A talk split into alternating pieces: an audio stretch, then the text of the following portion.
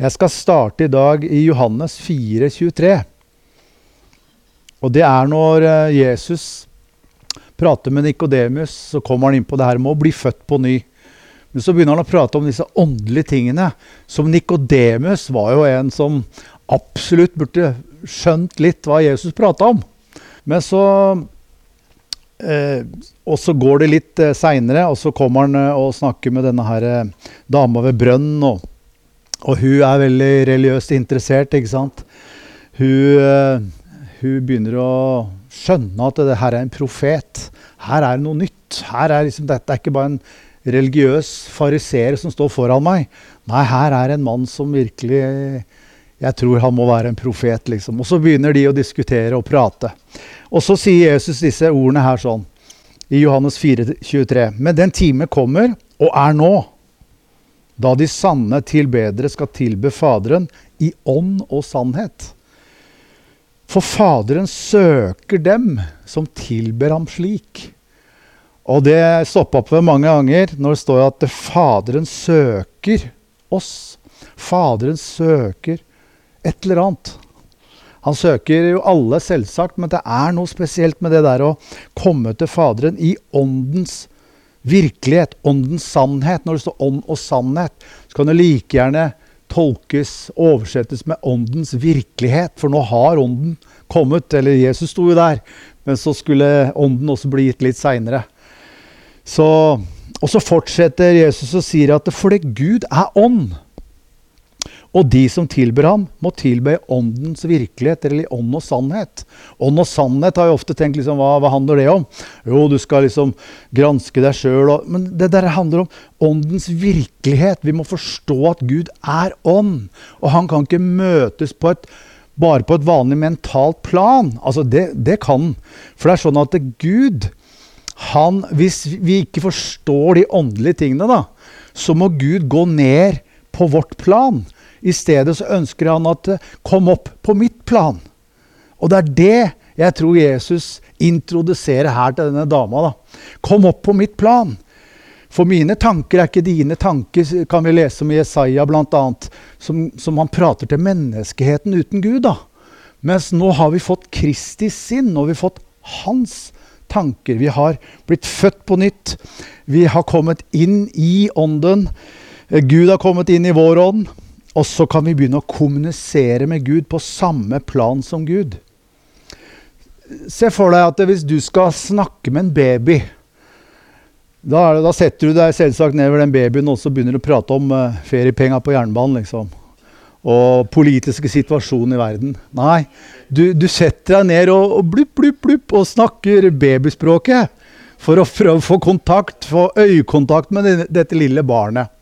Og samme er det liksom når barnet blir eh, om tre år, da, da har jo barnet lært å snakke. Men du, du, kan ikke sette deg ned og snakke sånn voksenprat med en unge på tre år. Dårlig bilde kanskje, men hvis du tenker deg Gud, da, som er ånd, altvitende Gud vet alt.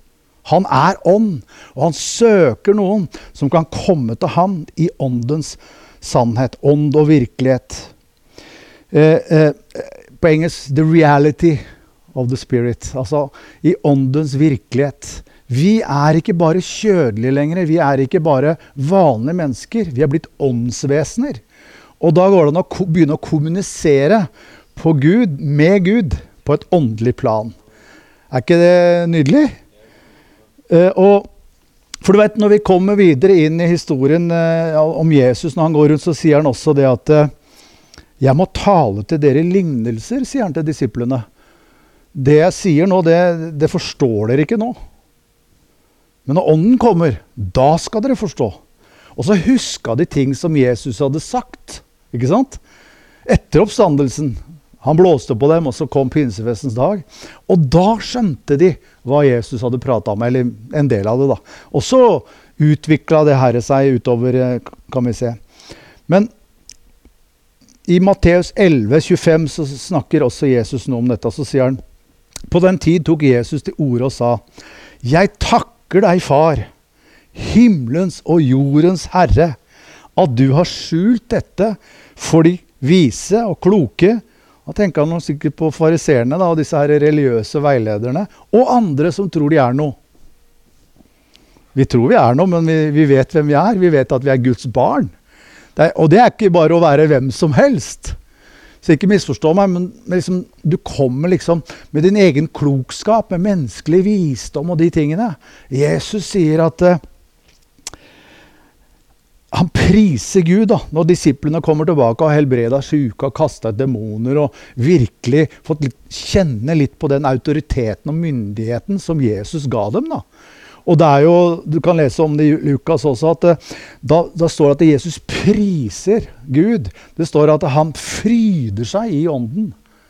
Og da, Det kan stå at han spinner rundt sin egen akse. Han blir så glad. da. For at det funker! Ja, jeg er jo Guds sønn, og jeg kommer fra himmelen, så ja, jeg måtte jo finne ut av hvem jeg var, tenkte Jesus. Og han fant jo sin far i tempelet da han var tolv år, og begynte å kalle han far, og de undra seg over det. Så, så, han også måtte vokse inn i sin identitet. Men han kom jo tross alt fra himmelen, da. Altså, Han hadde jo ikke Adam som far. Så når han ser at disiplene også får erfare noe av de samme tingene, så, så står det at 'jeg takker deg, Far, himmelen og jordens Herre', at du har skjult dette for de vise og kloke, men åpenbarte for de små. Så der kaller han disiplene de små fordi at nå har de fatta. Nå er de ikke bare mennesker som driver og krangler og kniver om hvem som skal være den største osv. Så sånn. Nå har de fått begynt å smake litt på disse himmelske kreftene. da. Eh, og så sier han videre, to ned, to vers lenger ned, så sier han ingen kjenner Sønnen uten Faderen. Heller ikke kjenner noen Faderen uten Sønnen. Og den Sønnen vil åpenbare ham for. Så Jesus ønsker å åpenbare Faderen for oss. Det er litt så nydelig, så la oss lese det en gang til. Ingen kjenner Sønnen uten Faderen. Heller ikke kjenner noen Faderen uten Sønnen og den Sønnen vil åpenbare ham for. Og jeg tror virkelig at når vi priser Gud, når vi synger våre lovsanger, vi, vi ber sammen, så, så, ønsker Jesus at du skal kjenne Faderen. Kjenne at han er Gud. Kjenne at han er pappaen vår. Han er pure love. Det er engelsk og betyr rein kjærlighet. Gud er kjærlighet. Og ikke noe sånn pinglekjærlighet. Nei, det er en kjærlighet som ja, kan nesten ødelegge en synder sånn som blir frelst. Han driver synden ut av synderen. Tar livet av synderen. Kjærlighet det er noe sånn voldsomt våpen. da. Altså det, jeg tror det er det sterkeste våpenet i universet. Ikke bare på universitetet, som jeg sa en gang. Men kjærlighet, at Gud er kjærlighet, det er så kraftig kost. det. Og at han elsker oss, at han har behag i oss. Han, eh, kaller oss barn. Sønner. Åh, det er nydelig. altså. Blir glad bare å, å prate om det. Eh, og så vet vi at pinsefestens dag kom. Jesus ånda på disiplene. Og så kommer pinsefestens dag, og Den hellige ånd blir utgitt. Og, og, det skjer rare ting. De begynner å tale i tunger. De begynner å tale på forskjellige språk. Så alle disse her som var kommet på besøk til Jerusalem fra alle disse forskjellige landa, de hørte evangeliet bli talt på sitt eget språk. Eh, det, det snakka om pangstart, altså. Først så kommer liksom ånden, og de hører dem taler i tunger. Og så plutselig så skjønner du at uh, her er en vanlig israelitt. Dette er fiskere, dette er vanlige folk som plutselig begynner å snakke flytende språk. Det er ganske Tenk å oppleve det. Og det er noe nydelig. Men når Den hellige ånd kommer For det er det Jesus introduserte til denne dama ved brønnen og sier at eh, den, hel, altså den, eh, den, tid kommer og er nå, da de sanne tilbedere skal tilbe Faderen i åndens virkelighet. For nå kommer ånden. Jesus sa altså før han dro at 'jeg må gå bort', men så kommer jeg til dere, sier han. Så er det noen ganger vanskelig å vite er det en hellig ånd, er er det Jesus, er det Faderen? Så det her kan gå trill rundt for oss altså hvis du begynner å det, det Jeg tenker at det er ikke alltid like lett å forstå det. Med vår peanut brain, som en som sa en gang. Altså for Vi er mennesker, uten å devaluere oss, men i forhold til der Gud er, da, i forhold til at han er ånd, han er altvitende, så er det fantastisk, tenk deg det, at vi blir kobla med han. Vi blir kobla opp mot den kraften. Wow. Ja, det er nydelig, altså. Og jeg har opplevd det noen ganger at uh, man får ting som jeg umulig kan ha tatt fra meg sjøl. Jeg kan umulig ha knekt ut dette på egen hånd. Så dum er jeg ikke at jeg tror det. Skjønner du? Og det der å få oppleve det, det er så stort. Og Gud har så mye for oss. Gud har så mange ting han ønsker å dele med oss og vise oss. Så Paulus han, eh, han blir jo så begeistra der, og så ber han at Den hellige ånd skal åpenbare hvor stor kraften er, hvor herlig og rik arven er for alle de hellige. For når han begynner å dykke inn, ikke sånn gammel fariser, plutselig så kommer ånden, og så ser han Kristus i Skriften, og så tenker han å, kjære Gud. Og så var han en tur i himmelen og fikk ting direkte fra Jesus, liksom. Og her skal jeg ned igjen til jorda, og så Kjære Gud, gi oss åpenbaringsånd, så vi fatter, liksom. Og så har han gjort det sånn at vi er én kropp. At sammen med alle de hellige skal vi fatte. Så det er ikke liksom sånn at å, det er noen som har fått, fikk hele pakka, liksom. Som Obelix som datt i gryta som liten. Og slapp å ta noe drikk etterpå. Mens Asterix må drive på, fylle på hele tida. Nei, men du vet at menigheten, der ligger fylden. Så her sånn, liksom Summen av oss her nå er Kristi kropp. Så er den selvsagt større. Den er med alle de troende. Men to og tre samla er Kristi kropp. Har du tenkt på det? Ja, jeg er et tempel for Den hellige ånd, og det er du også. Kroppen din, legemet ditt, er et tempel for Den hellige ånd. Men sammen med to og tre så forsterkes det. Og da kan Gud virkelig meddele ting, altså. På et høyere plan, da. Det er det jeg prater om nå her, at Gud ønsker Og han søker faktisk oss. Eh, når vi er på det nivå. Eller nivå, det blir så feil å si òg. For dette her er jo for de små. Altså, Du trenger ikke å være på noe nivå, men det å ha en forståelse at Gud er ånd, og så er vi åndsvesener. Det at vi noen ganger må kommunisere med Han. Og på søndag så prater jeg om at det er Jesus først.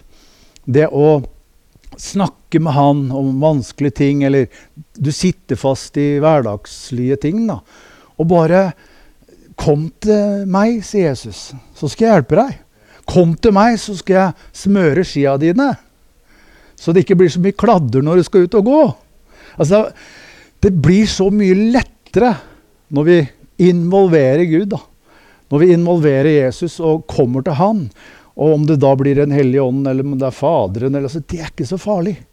Men vi vet én ting. Gå til Jesus. Han sa 'kom til meg', alle dere som strever av tungt å bære. Så skal jeg gi dere hvile, så skal jeg gi dere gli på skia. Så skal jeg gi dere puff.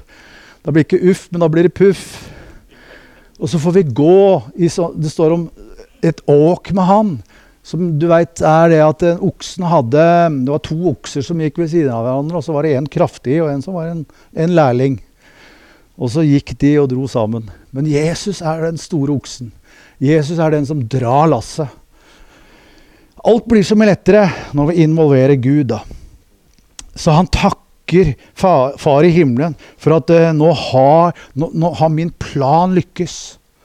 Jeg har kommet til jorda for å uh, mangfoldiggjøre meg sjøl og få Guds relasjon tilbake til mennesker.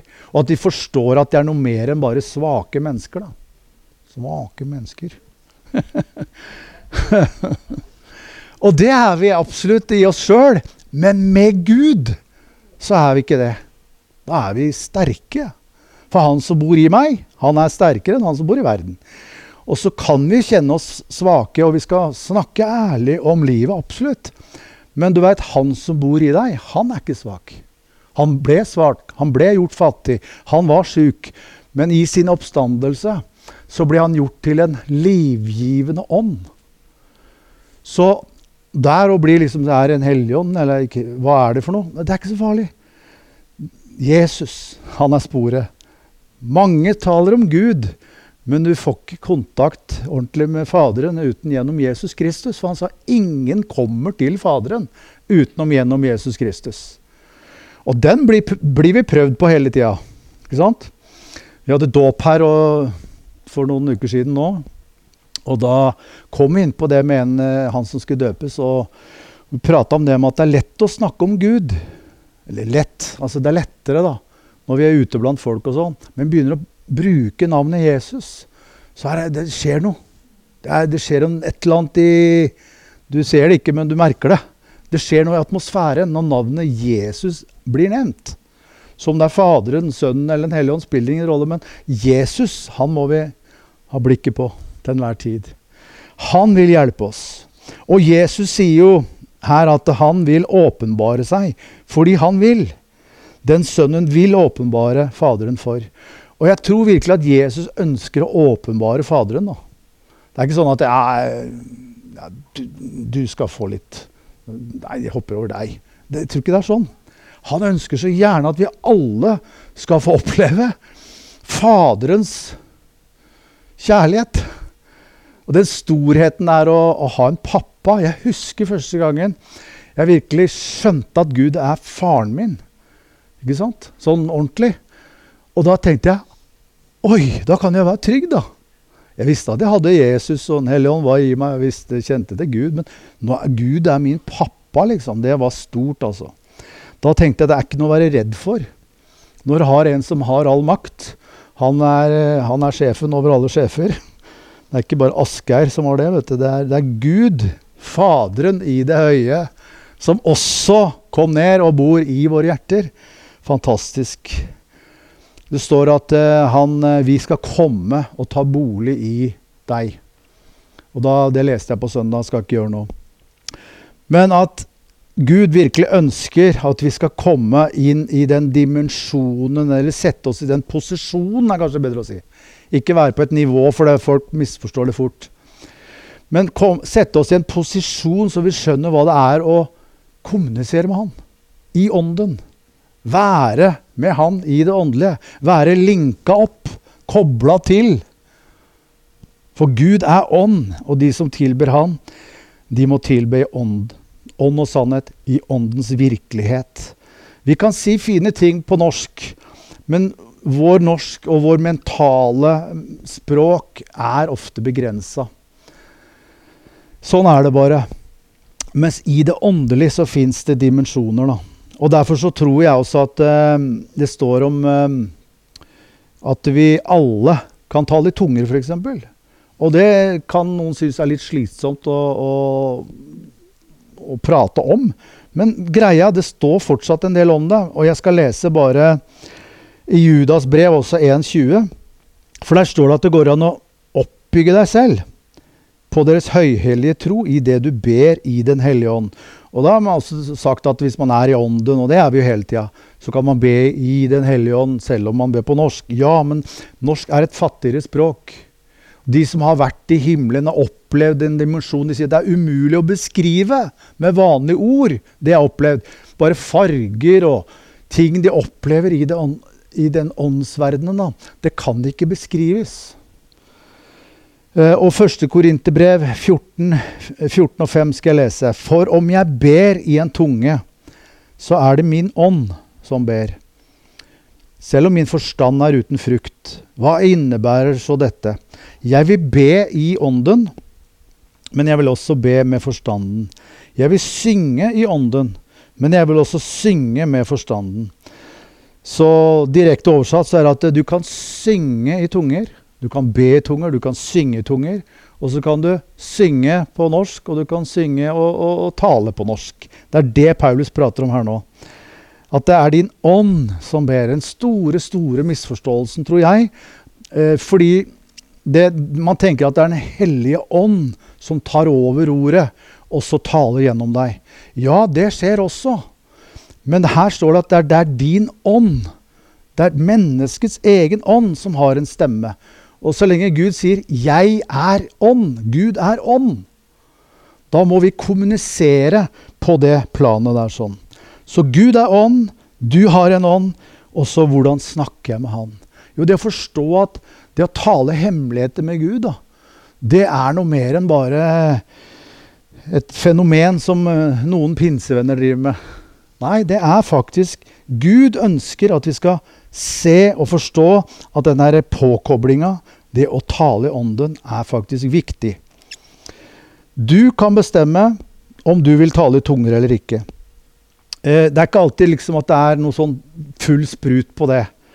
Men jeg har opplevd og erfart at noen ganger så vet jeg ikke hva jeg skal be, så ber jeg i tunger. Noen ganger så kan jeg synes det er veldig vanskelig. Jeg synes det er ikke vanskelig, for at eh, jeg bare babler på som en liten unge. Må bare koble ut huet. Koble ut den ene hjernecella, ikke sant?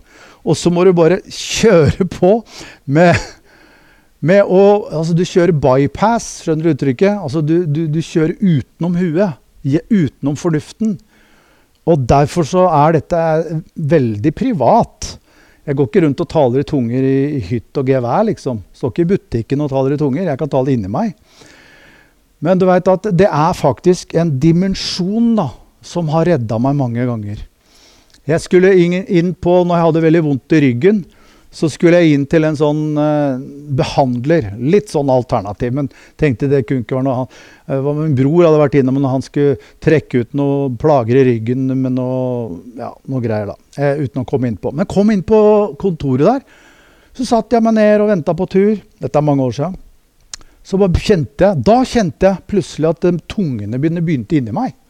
Så plutselig satt jeg og talte i tunger inni meg tenkte det var jo det er artig og fint å oppleve. Men det er ikke så ofte jeg har opplevd det. Det er kanskje litt i sånne vanskelige situasjoner. Så da kjente jeg at her er, her er ånden, her passer ånden litt på, altså. Og det med rette, fordi at det, det var ikke liksom helt innafor, kjente jeg. Så da dro jeg aldri dit noe mer. Men du vet, vi har en ånd som vet mer enn huet ditt. Vi har, altså Nå snakker jeg om menneskets ånd har noe mer, og da kom helt sikkert Den hellige ånd og hjalp til der. ja. Men din ånd vet mer enn du tror. Din ånd er kobla og er kommet fra Gud. For Det står at når mennesket dør, så vender ånden tilbake, menneskeånden tilbake til Gud, som først ga ånden. Så den ånden vi har, da, når vi blir frelst, så flytter Den hellige ånd inn i vår ånd. Det tror vi på. Inn hele kroppen. Og da blir vi ett med Gud. Men du hadde en ånd før du ble frelst også. Noen av dere har vært frelst hele livet. så da... Men Den hellige ånd kommer og beseiler det hele når du inviterer Jesus inn. Men alle har en ånd. Jeg ble litt forvirra som nyfrelst, for jeg hørte om andre religioner som også talte i tunger. Ikke sant? Og hvordan kan det, hvordan, hvordan kan det skje? Jo, for er, ånden har en stemme. Men det er klart, når du blir frelst, så har du Jesus. Du blir født på ny, du har en hellig ånd der, absolutt. Så det blir eh, hakket hvassere. Men jeg tror virkelig at ånden vår, den må vi være litt bevisst på at den er Det er påkoblingsstedet, altså. Så når vi står og synger, da, den som tilber, skal tilbe i ånd. Så sier ikke jeg nødvendigvis at man må synge i tunger eller tale i tunger. Absolutt ikke.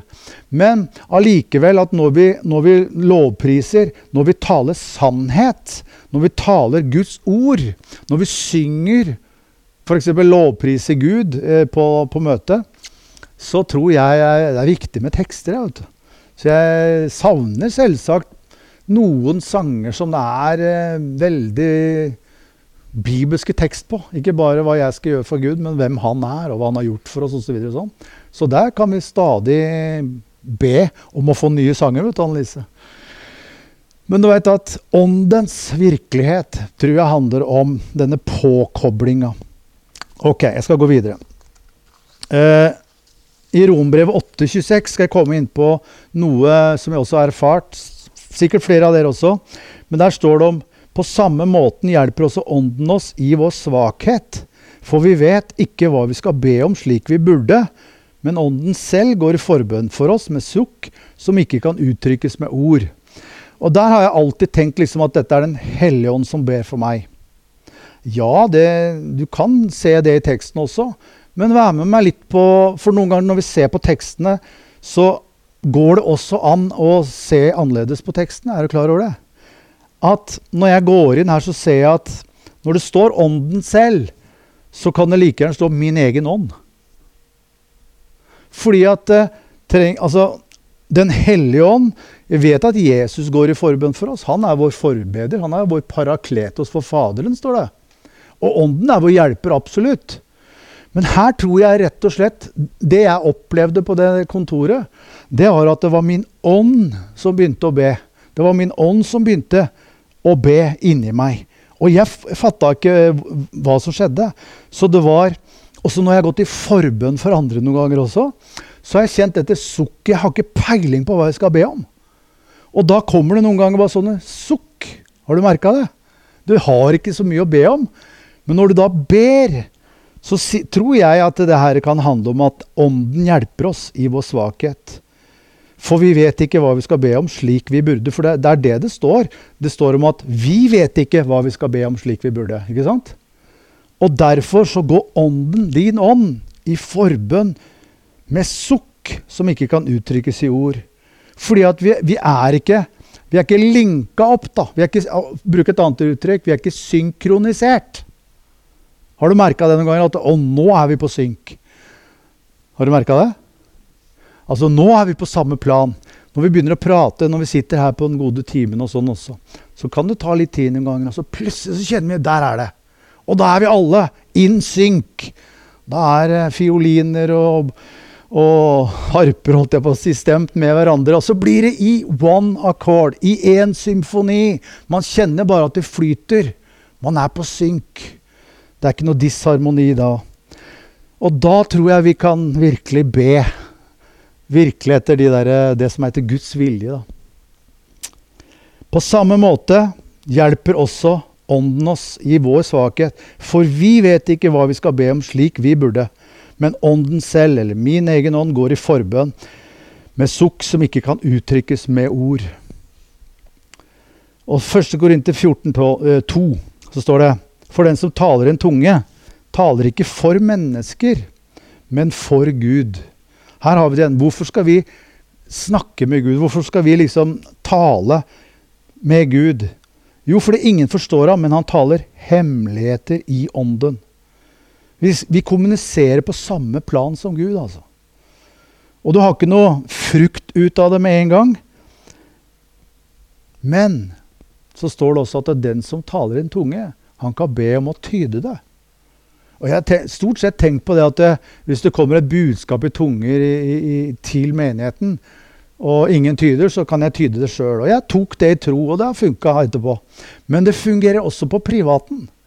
Når vi taler mye tunger, så kan det være sånn at uh, huet blir litt uh, slitent. ikke sant? Begynner å tenke på middagen og oh, oh, gå der og taler i tunger, og så tenker på den regninga som skal betalt, eller så tenker på at uh, ja, skal jeg, skal jeg opp på besøk noen, eller og så begynner Du, du blir liksom tvesinna.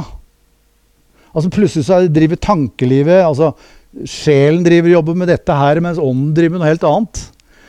Men jeg tror virkelig på at du kan stoppe opp når du taler i tunge for deg sjøl. Så kan du stoppe opp, og så taler du litt på norsk. Begynn å trene deg på det. Jeg har gjort det mye. Sitter jeg og tyder mine egne tunger. Og jeg, jeg har sagt det litt sånn at eh, begynn å gjøre det for deg sjøl. Gjør aleine. Gjør i bilen. For det er ingen som kommer til å dømme deg for det. Ikke Gud, i hvert fall. For han, han liker at vi tør å gå litt på vannet. Han liker at vi strekker oss litt. Sånn er det med selve tungetalen også. Tungetalen er også det å bli barnlig. Bli, som små barn, altså. Jeg tror at det her er noe å hente for oss alle sammen. Jeg minner meg om sjøl om disse tingene stadig vekk.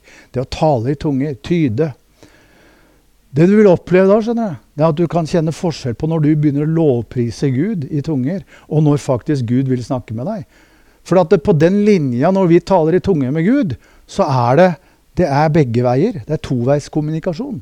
For, for vi er veldig opptatt av at vi skal høre hans stemme og de tingene. Men jeg tror at man kan laste ned veldig mye på denne tungetalelinja. Plutselig så vet du det er, ikke, det er ikke alltid at de har fått det åpenbart der og da. Men så kan det gå en halvtime, eller noe så plutselig så løser ting seg. Fordi det er lasta ned. Du har sukka og talt til Gud, og så har han talt til deg, og så ligger det klart der. Plutselig så ser du svaret. Plutselig så er du igjennom. Og dette skal ikke bli noe stress. Jeg har vært i sånn tungetale-stressmiljøer også. Det er veldig slitsomt.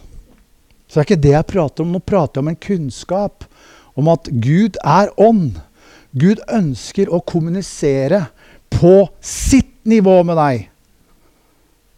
At ikke han hele tida må gå og og forklare småting. Eh, altså som til et vanlig menneske. Jeg kunne ikke tale til dere som åndelig, sier Paulus. Derfor så taler jeg til dere med menneskelige ord. Så Paulus han gikk jo kjente på de tingene her, så han hadde så lyst til å levere noe som lå på et høyere plan. da. I en annen dimensjon. Men jeg kan ikke, sa Paulus. Jeg må snakke til dere som småbarn i Kristus, sier Paulus. Høres litt sånn ovenfra og ned ut, gjør ikke det? Men jeg tror det mer handler om at det går an da, å være i det rommet der hvor det er eh, toveiskommunikasjon. Du sender og du tar imot samtidig. Det høres spennende ut, gjør det ikke det? Men det er dette som, det er sånn det fungerer i praksis. Jeg husker en annen eh, en gang. Det var, det var Jan Erik, faktisk. Som, som hadde en kamerat som uh, han spør meg liksom, vi må, vi må be for en Frank het han. Vi må be for han, for han hadde ei søster som hadde noen unger som var veldig syke. og Han hadde tror jeg, mista noen eh, før også. og så Han var gravid igjen, og så han funnet ut at det var noe feil med, med ungen. da. Og jeg sier ja, ja, jeg skal be, sier jeg. vet du. Og så hadde vi ungdomsmøte, og så møtet slutt. Og så skulle jeg Jeg bodde jo på Betel Harestad på den tida. Så jeg eh, slukte jo lyset vet du, og ha det bra, og skulle gå opp til Kjerring og unger. og idet jeg skulle gå opp, så, så minner ånden meg om du lovte å be. Ja, stemmer det! Ta en tur ned i kjellerstua, da, for vi hadde kjellerstua under da, så bodde vi i tredje etasje, og så var møtelokalet i midten. Så jeg tok en tur ned og begynte å be, og jeg visste ikke hvordan jeg skulle be. Og begynte å be i tunger. Jeg tenkte jo på denne, denne personen når jeg ba i tunger, da. Og bare ba, ba, ba. Og så plutselig så begynner Gud å vise meg at eh, det var ikke bare én unge, det var, det var, tvillinger. Og det var gutt og jente, til og med. Viste Gud meg. Og jeg kjente jo, ikke, kjente jo knapt han eh, som ba om forbønn, og i hvert fall ikke søstera. Så hun hadde aldri sett. Men fordi at når man begynner å bruke dette Jeg vil ikke kalle det våpenet, for dette er jo hemmeligheter vi taler med Gud i ånden. da. Så viste Gud meg alle disse tingene her, sånn, og så gikk tida. Og, og, så når jeg så og skjønte litt hvordan jeg kunne be på norsk, så gjorde jeg det. Og så skulle jeg gå og legge meg, og så talte Gud til meg og sa at nå kan du ringe til Jan Erik og fortelle at uh, det her blir en gutt og en jente, og de kommer til å bli helbreda. Det skal skje sånn og sånn. Og da var klokka blitt tre på natta. Og da tenkte jeg nei, nei det, det er jo altfor seint. Nå holdt vi på ganske lenge på disse ungdomsmøtene og fellesskap etterpå. sånn. Men så sier jeg nei, han må ha lagt seg. Nei, han er oppe. Og han, eh, Frank hadde blitt med han hjem. Sier ånden til meg. Og jeg ringer eh, da, tar sjansen. Og han svarer, vet du. Jeg sitter oppe og prater med Jeg vet ikke om du hadde lagt deg, men hvert fall, jeg vet ikke om du husker dette i det hele tatt. Ja, du husker det? Ja. Så ringer jeg. Følte meg litt dum, liksom, var redd for å vekke folk tre på natta. Men ånden sa ring. Og så si at eh, nå, nå er det skjedd. Det har skjedd. Og så, jeg, jeg, jeg, var ikke helt frimodig, så jeg spurte jeg veit om det er eh, eh, Nei. Jeg tror han visste at det var tvillinger. Ja, Samme kan det være. Men nok om det. Så gikk det eh, litt tid. Nei, da hadde hun fått tvillinger. Gutt og jente. Og de hadde blitt født veldig syke. Mangla masse greier. Og så, helt ved et mirakel, så hadde bare i løpet av noen dager så hadde det skjedd et mirakel. Og det sto til og med jeg tror til Man viste meg dette fra Ukebladet. Det hadde vært en reportasje der. Og det er ikke sånn at jeg tenker 'Å, så flink jeg var'. Nei, det, det er jo ikke på det planet. Dette er ikke på et menneskelig plan. Og jeg tror også at når vi taler i tunger, så For jeg kom på det også, at jeg vitna om det at jeg ble helbreda. Jeg brakk ankelen, eh, som jeg prekte om her. Og da, Det var så vondt, og jeg visste heller ikke hvordan jeg skulle be da, så jeg bare ba i tunger og ble helbreda. Så det er klart at her er det her er det noe som ikke øyet har sett. Og det er det som står i 1. Korinterbrev 9-16. Bare hør etter. Men det som er skrevet, det øyet ikke har sett, det øret ikke har hørt, det som heller ikke kom opp i noe menneskehjerte, det som Gud har forberedt for dem som elsker ham. Men Gud har åpenbart det for oss ved sin ånd. Ja, og så tenker man liksom ofte ja, men Gud kan jo også snakke på norsk. Ja, han kan det. Absolutt. Men jeg snakker om en oppkobling her nå. Det er det som er temaet. For ånden ransaker alle ting. Tenk nå at din ånd ransaker alle ting i deg også. Guds ånd vet selvsagt alle ting, men din ånd vet også mer enn ditt hode. Din forstand. For ånden ransaker alle ting, ja, også Guds dybder. For hvem blant menneskene kjenner de ting som hører mennesket til, uten menneskets ånd som er i han? Slik er det heller ingen som kjenner de ting som hører Gud til, uten Guds ånd. Men hør nå. Men vi har ikke fått verdens ånd, men den ånd som er fra Gud, for at vi skal kjenne de ting som av nåde er blitt gitt oss av Gud. Så din ånd har faktisk har muligheten til å fange opp hvem Gud er, hva han har, og alt det vakre, flotte som han har beredt for oss. da. Disse ting taler vi også om, ikke med ord som menneskelig visdom lærer, men med ord som Den hellige ånd lærer, i det vi tolker åndelige ting med åndelige ord. Og så kommer det her. Men et sjelelig menneske tar ikke imot de ting som hører Guds ånd til. For de er, eh, for de er som dårskap for han. Han kan heller ikke kjenne dem, for de bedømmes åndelig. Men den som er åndelig, bedømmer alle ting men selv blir han ikke bedømt av noen. Så kommer det, for hvem har kjent Herren sin, så han kunne lære ham? Så står det, men vi har Kristi sinn. Og det er Guds tanker. Vi har hans tanker. Vi har Kristi sinn. Så tenkte jeg, jeg, jeg tenker sånn som Gud, Jesus tenker. Nei, ikke alltid. Jeg tenker ikke alltid sånn som Gud tenker. Men fordi jeg kjenner Skriften, fordi jeg kjenner Bibelen, og er kobla opp, så kan jeg også vite hva som er hans vilje. Jeg kan vite Hvis jeg er i krangel med han, så vet jeg ofte at, hva kjærligheten sier. Vi kjenner hva Skriften sier. Vi kan ta de rette valgene fordi vi har Kristi sinn. Og Kristi sinn er delvis Bibelen òg, som jeg sa på søndag. At 95% hørte jeg på ledd her, av Guds tanker er Guds ord. Og da må vi slutte kanskje å leite så fælt i huet.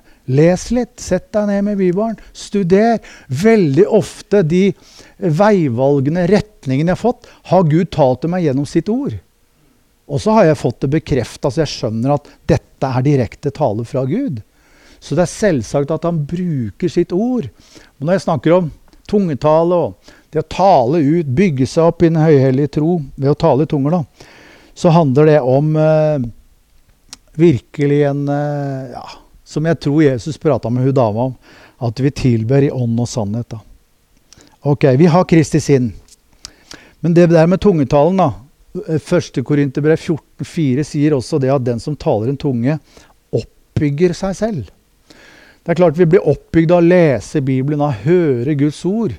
Men det er et eller annet med å oppbygge seg selv. Og jeg sa det litt flåsete her eh, en gang jeg prekte om det, at det er som hvis Mobiltelefonen din er tom. Ja, da må du Alle skjønner at du må sette inn laderen. Det å oppbygge seg selv, da. Paulus kommer til Timoteus og sier 'tenn opp igjen' den nådegaven som ligger i deg. Tenn opp igjen det du fikk ved håndspåleggelse. Så det finnes noe her inne.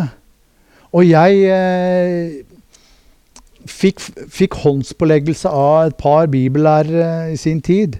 Og jeg hadde talt i tunger eh, allerede en stund da, men det skjedde noe ekstraordinært ved at de la henda på meg.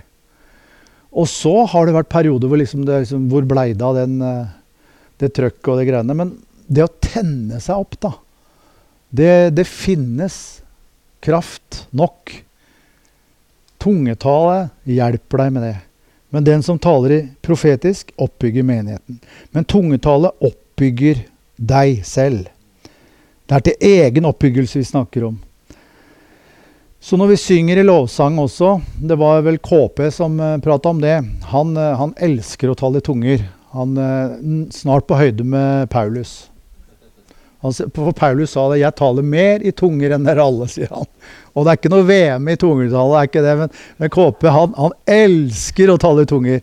Og han fortalte når han jobba nede i Oslo på Immerslund, som musikkforretning, så gikk han liksom rundt og pludra rundt i butikken, og da gikk han alltid og sang.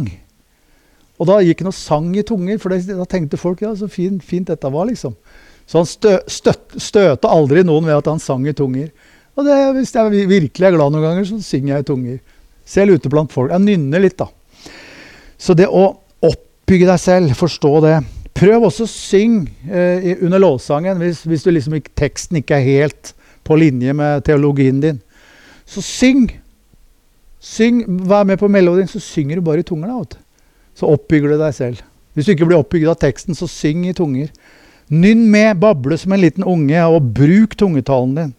Jeg opplever det at det, fordi jeg har vært en ivrig tungetaler det, det, det, kom veldig fort, da.